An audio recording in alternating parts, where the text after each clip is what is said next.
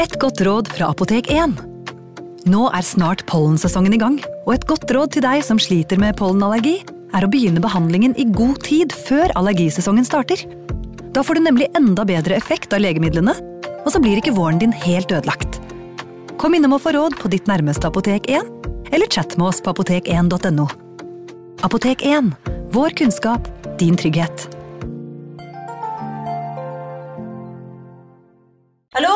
Jeg kommer fra Oslo politikammer. Ine Jansen er purk. Er du purk? The motherfucking bitch. Alt jeg vil, er å finne ut hva som skjedde med mannen min. Jon Carew. Er jeg sikta for noe? Iben Akeli. Det er du. Ole So, Lars Berrum og Big Daddy Karsten. Hvem sin side er du på, egentlig? Anette Hoff, Tone Danielsen, Kommer du fra Afrika? Jørnis Josef, Nesten kløfta. Trond Espen Seim, Det er synd å si det, men det var feil mann som døde. Purk. Premiere tirsdag på TV2 Play. Hei! Takk for at du lytter til True Crime Podden dokumentar. Skulle du ønske at du kunne høre en ny episode av denne podkasten hver eneste uke? Vel, da er det bare å laste ned podkastappen Untold med en gang. I tillegg til ukentlige episoder av podkaster som Skrekkpodden, Synderne og True Crime Podden, får du masse annet reklamefritt og eksklusivt innhold. Last ned Untold i AppStore eller Google Play, og start din 30 dagers prøveperiode i dag. you.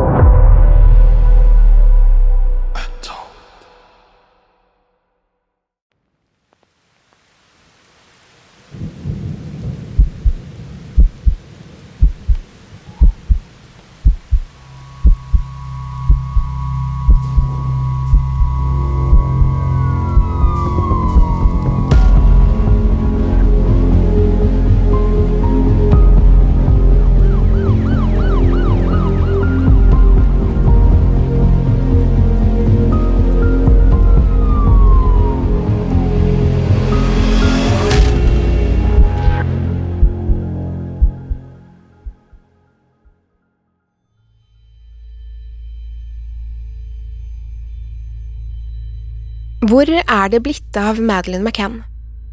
Dette er spørsmålet som mange lurer på, og som et fåtall forsøker å finne svaret på. Da Madeleine forsvant fra en ferieleilighet i kystbyen Praia da Luz i Portugal, var hun bare tre år gammel. Foreldrene Kate og Jerry var overbevist om at hun var blitt bortført, til tross for at portugisisk politi ikke kunne finne noen tegn til eller beviser for dette. Det politiet likevel fant spor etter, var at noe lumsk hadde foregått i familiens ferieleilighet. To sporhunder markerte flere steder på både blod og lik, uten at noe noen gang ble funnet. Etter hvert bestemte portugisisk politi seg for å mistenke Kate og Jerry McCann for å ved et uhell ha forårsaket datterens død.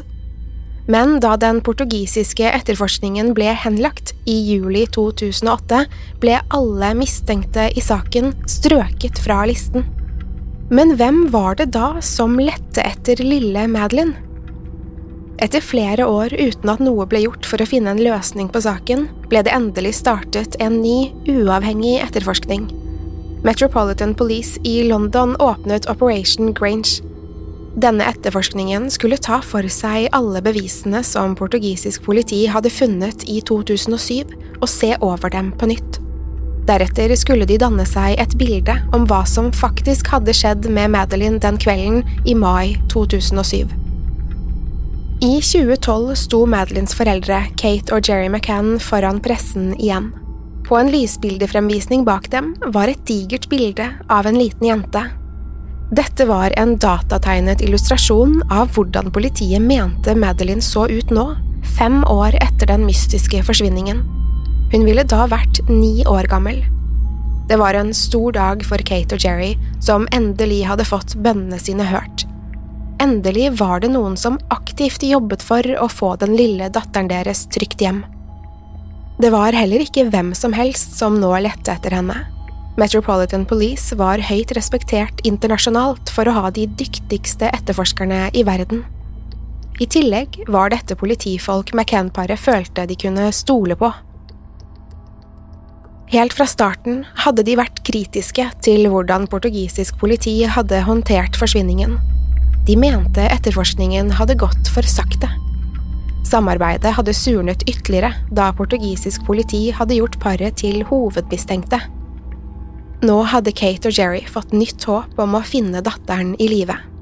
De hadde alltid vært optimistiske, men nå mente de at det var høy sannsynlighet for at de skulle få henne tilbake. De visste at britisk politi ville arbeide hvileløst til saken ble oppklart. Uansett hva utfallet ble, trengte de et svar. Det første Metropolitan Police gjorde, var å se gjennom alle rapporter og dokumenter fra den tidligere etterforskningen i Portugal. Det de fant, fikk dem til å stusse over metodene til portugisisk politi. De fant nemlig flere grove feil i etterforskningen, allerede fra kvelden Madeline forsvant. Den kvelden hadde det vært det eneste kaos i ferieleiligheten som McCann-paret leide. Kate, Jerry og deres venner, samt de første betjentene på stedet, hadde trampet ned hele leiligheten. Dette kan ha ført til at flere viktige beviser var forspilt og kontaminert. Da etterforskerne hadde kommet til leiligheten, var det allerede for sent. Men dette var ikke den eneste feilen Metropolitan Police fant i rapportene. Det kom også fram at telefontrafikken i Praia da Luz forsvinningsnatten ikke var blitt undersøkt. I tillegg var det flere vitner og spor som ikke var blitt fulgt opp. Etter å ha undersøkt de portugisiske rapportene alene, hadde britisk politi hele 38 mulige mistenkte på blokken. Flere av disse var aldri blitt avhørt tidligere i saken. Ut ifra papirene Metropolitan Police fikk utlevert, fantes det ingen faste beviser for at Madeline var død. Dette ga alle håp om at de kunne finne henne i live, selv fem år senere. Etter å ha gått gjennom rapportene fra saken, reiste en delegasjon ned til Praia da Luz. De hadde fått tillatelse til å drive etterforskning i Portugal, og visste nøyaktig hvor de skulle begynne. Først ble de ansatte på hotellet Ocean Club og tapasrestauranten avhørt. Her fikk politiet tak i reservasjonsboken til restauranten, og det de fant, malte et helt nytt bilde av saken. McCann-parets venninne, Jane Tanner, hadde nemlig besøkt restauranten den første dagen av ferieoppholdet. Her hadde hun reservert et bord for hele ferien. Hun hadde spesifikt bedt om et bord i nærheten av bassenget. Det var fordi bassenget lå mellom restauranten og leilighetene. Fra bordet de reserverte, kunne de se leilighetene. Ved siden av alle navnene og leilighetsnumrene sto det et lite notat. Der var det skrevet at bordet var reservert, nettopp fordi de reisende skulle kunne se til sine sovende barn. Reservasjonsboken hadde ligget åpen ved inngangen, der hvem som helst hadde tilgang til den. Dermed kunne en potensiell innbruddstyv eller kidnapper bruke boken som en timeplan over når de ulike leilighetene sto tomme. I tillegg fortalte boken at barna kom til å være alene i det samme tidsrommet. Dette var all den informasjonen en forbryter kunne ønske seg. Det eneste de hadde trengt å gjøre, var å vente til familien hadde sett til barna sine. Så ville de hatt en luke på en halvtime før noen kom tilbake til leiligheten. For en erfaren tyv eller kidnapper ville det ikke ta mer enn to minutter å ta seg inn i leiligheten. Etter å ha avhørt de ansatte valgte politiet å gå videre til de vitnene som ikke var blitt avhørt av portugisisk politi. Flere mente nemlig å ha sett én eller flere mistenkelige menn utenfor leilighetskomplekset i dagene før forsvinningen. Det var tre uavhengige vitner som kunne melde om dette. Det politiet ikke klarte å finne ut av, var om vitnene hadde sett tre forskjellige menn eller én og samme mann. Likevel kunne alle tre vitner beskrive en mann som sto og lente seg på gjerdet utenfor leilighetene. Mannen skal ha stått og tittet opp mot leilighetene, som om han overvåket stedet. Dette skjedde mange ganger, over flere dager. Det ble derfor laget tre ulike fantomtegninger etter de tre vitnenes beskrivelser. Likevel kunne de ikke koble tegningene til noen kjente kriminelle. Til å begynne med hadde britisk politi tre hovedteorier som de så på som mest sannsynlige. Den første var at Madeline kunne ha blitt tatt av et barnløst par. Det finnes historier fra hele verden om voksne som bortfører barn fordi de ønsker seg barn, men ikke kan få det selv. Ifølge denne teorien trodde politiet at et barnløst par som ønsket seg en liten jente, fant Madeline og bestemte seg for å ta henne med seg. Dette var den teorien både politiet og McCann-paret håpet mest på.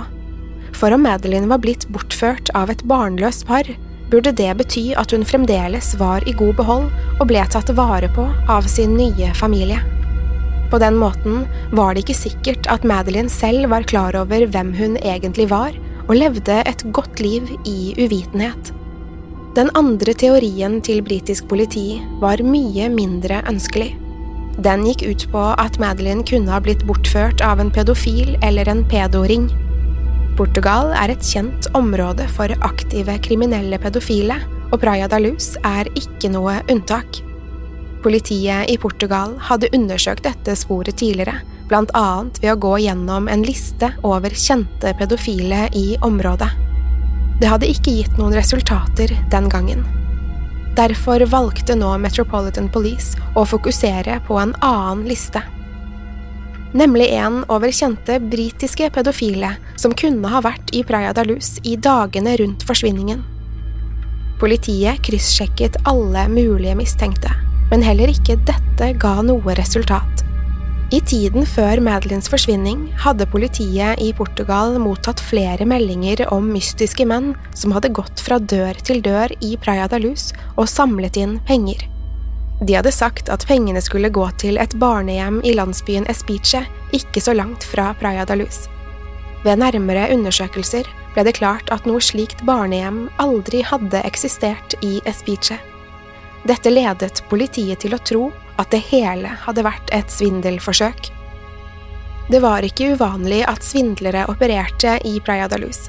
På grunn av den store flommen av turister var det mange som så sitt snitt til å lure uvitende reisende. Det som likevel fikk britisk politi til å koble dette svindelforsøket til Madeline, var en uttalelse fra en kvinne som hadde fått besøk av svindlerne. Hun kunne fortelle at da hun åpnet døren og snakket med svindlerne, hadde de ikke virket interessert i henne. I stedet hadde de latt blikket hvile på hennes fire år gamle datter som sto bak henne. Men uansett hvor mye politiet arbeidet for å finne ut hvem svindlerne var, kom de ikke fram til noe. De var aldri blitt tatt, og det var derfor ingen som visste hvem de var.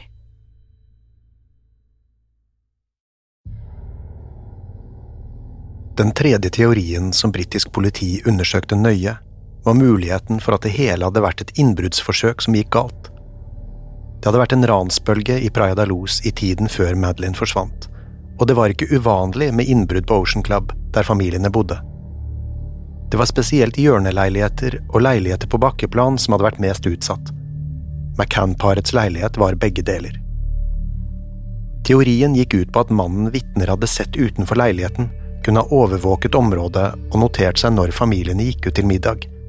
På den måten ville han fått fri tilgang til leiligheten. Om en eller flere innbruddstyver tok seg inn i leiligheten, kunne det ha vekket lille Madeline. Om hun vandret ut i stuen og fikk se at det ikke var foreldrene hennes, kunne innbruddstyvene ha fått panikk. Da kunne de enten ha valgt å ta med seg Madeline, eller tatt livet av henne der og da. At portugisisk politi ikke hadde undersøkt telefontrafikken den kvelden Madeline forsvant, var helt uforståelig for Metropolitan Police. Heldigvis klarte de å gjenopprette loggene fra den 3. mai 2007. Det de fant, fikk dem til å tvile enda sterkere på portugisisk politis ferdigheter.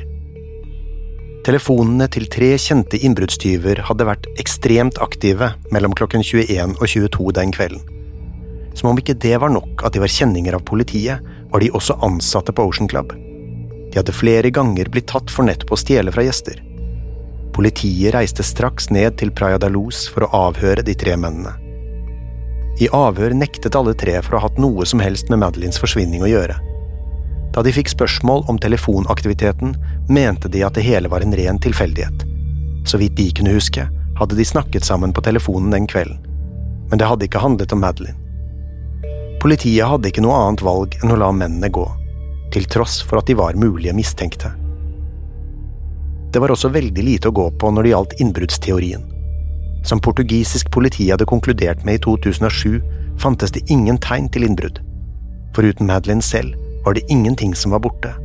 Det var flere verdisaker i leiligheten, som smykker, penger og en TV, men alt dette sto urørt. Det kunne tenkes at en eventuell tyv aldri rakk å ta med noe annet enn Madeline. Likevel virket det merkelig at de ikke engang ville tatt med seg penger. Videre så britisk politi på de to observasjonene av menn bærende på små barn. Den første var blitt gjort av McCann-parets venninne, Jane Tanner, mens den andre var gjort av en irsk turist med navn Martin Smith. Tanners observasjon skulle ha vært like i nærheten av hotellet, mens Smith hadde sett mannen et stykke unna. Det politiet ville finne ut av, var om de to observasjonene hadde vært av samme person eller to forskjellige. Den første de fokuserte på, var mannen Jane Tanner hadde sett. Dette var så nær leilighetene at politiet undersøkte om mannen kunne ha noen kobling til Ocean Club. Hotellet tilbød barnevakttjenester, noe som fikk politiet til å tenke at det kunne vært en mann som hadde hentet barnet sitt akkurat da. De gikk gjennom registeret for den aktuelle kvelden og fant ut at ett barn var blitt hentet i det tidsrommet. Da de kontaktet faren til barnet, kunne han bekrefte at han hadde krysset gaten med sin egen datter omtrent da Tanner så mannen med barnet. Det kunne derfor fastslås med relativt høy sikkerhet at barnet ikke hadde vært Madeline. Mannen som Martin Smith hadde sett, hadde gått forbi en restaurant en del lenger unna leiligheten i 22-tiden. Da Martin hadde sett en video av Jerry McCann som kom hjem fra Portugal, hadde han vært ganske sikker på at han var mannen han hadde sett. Likevel mente politiet at avstanden mellom leiligheten og der Smith mente å ha sett Jerry, ikke stemte overens. Ifølge McCann-paret, vennene og hotell- og restaurantansatte hadde Jerry løpt rundt på leting etter Madeline på den tiden. Han kunne ikke ha vært på to steder på en gang. Til tross for at Smith fremdeles sto på sitt og mente at det hadde vært Jerry, valgte politiet å avskrive Jerry som mulig mistenkt. Om det hadde vært Madeline som var blitt båret, var umulig å si men det kunne ikke ha vært Jerry som bar henne. Men det betydde ikke at Smiths observasjon ikke ble tatt på alvor. Politiet reiste til Irland, hvor de fikk Smith til å beskrive mannen han hadde sett, på best mulig måte. Deretter ble det laget en fantomtegning. Mannen på tegningen var lys i huden og hadde mørkt hår. Noen mente det kunne ligne litt på Jerry, men ikke nok til at det kunne være ham. Politiet hadde arbeidet med Operation Grange i flere år uten at de egentlig hadde kommet så veldig mye lenger. Til tross for at de hadde undersøkt flere spor som var blitt oversett av portugisisk politi, kunne de ikke vise til noen resultater. Etterforskningen ble offer for heftig kritikk i britisk presse, spesielt på grunn av mengden ressurser som var blitt lagt inn i jobben. Politiet hadde brukt nærmere 100 millioner norske kroner på etterforskningen, men hadde ingenting nytt å vise til. I tillegg begynte man å lure på hvorfor det ble lagt så mye arbeid i akkurat denne forsvinningen. Barn og unge forsvant og ble bortført hver eneste dag, uten at disse sakene fikk i nærheten av like stor oppmerksomhet. I 2015, etter tre års etterforskning, kunne ikke britiske myndigheter lenger rettferdiggjøre en slik ressursbruk på en enkeltsak. Dermed ble Operation Grange kraftig redusert.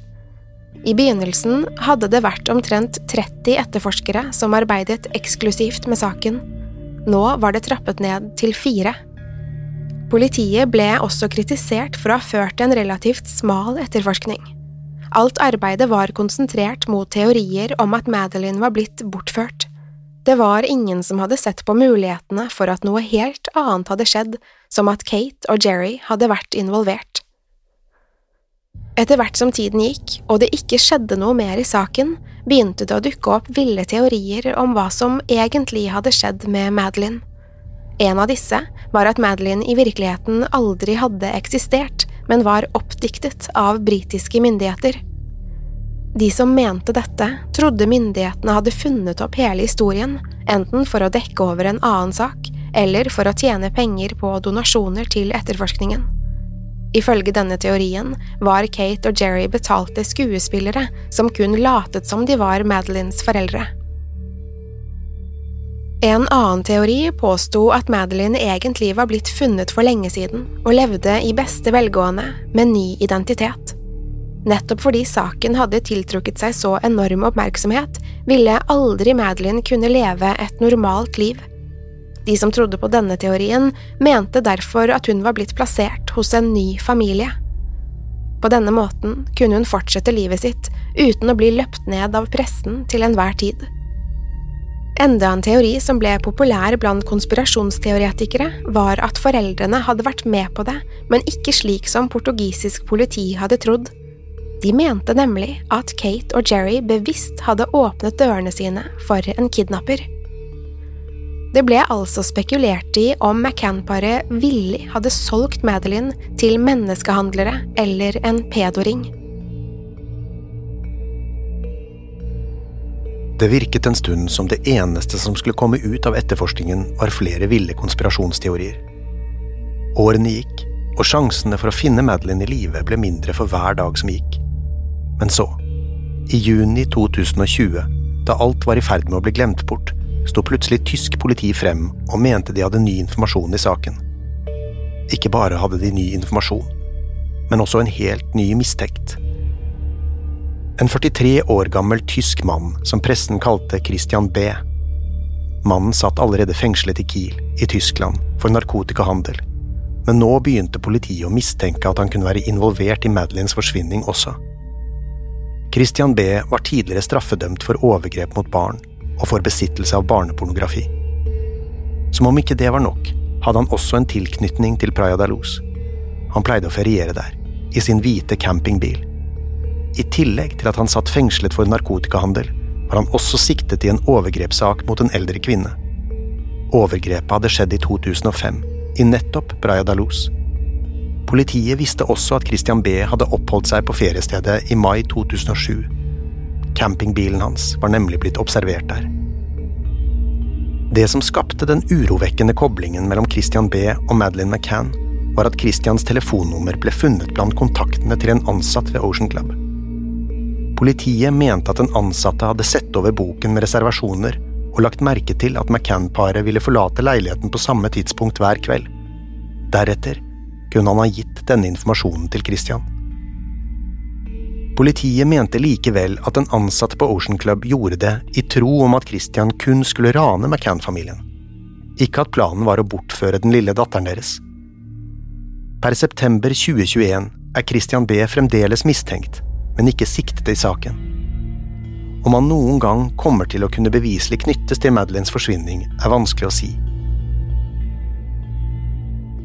Lille Madeline McCann har vært borte i godt over ti år.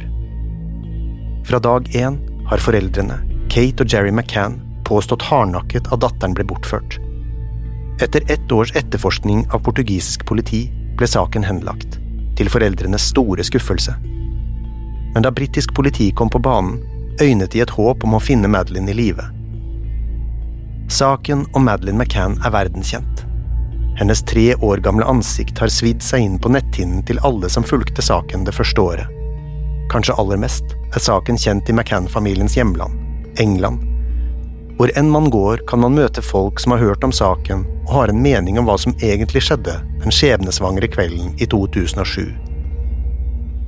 Men hva var det egentlig som skjedde med den blide treåringen?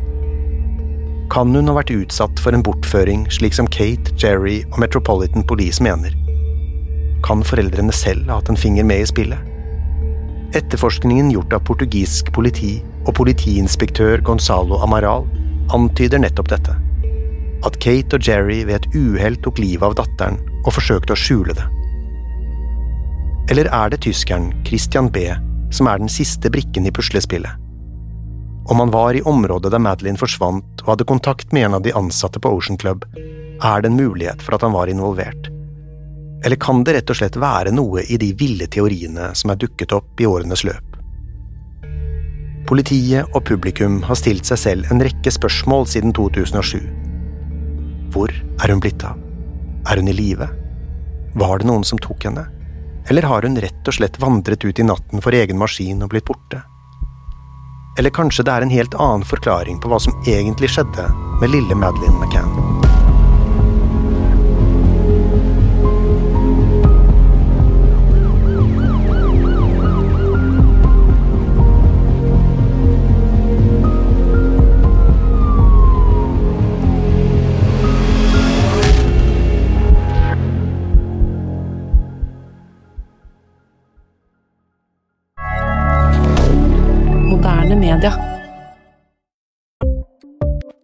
Ukens annonsør er Folio, en smartere banktjeneste for deg som har en egen bedrift eller ønsker å starte for deg selv.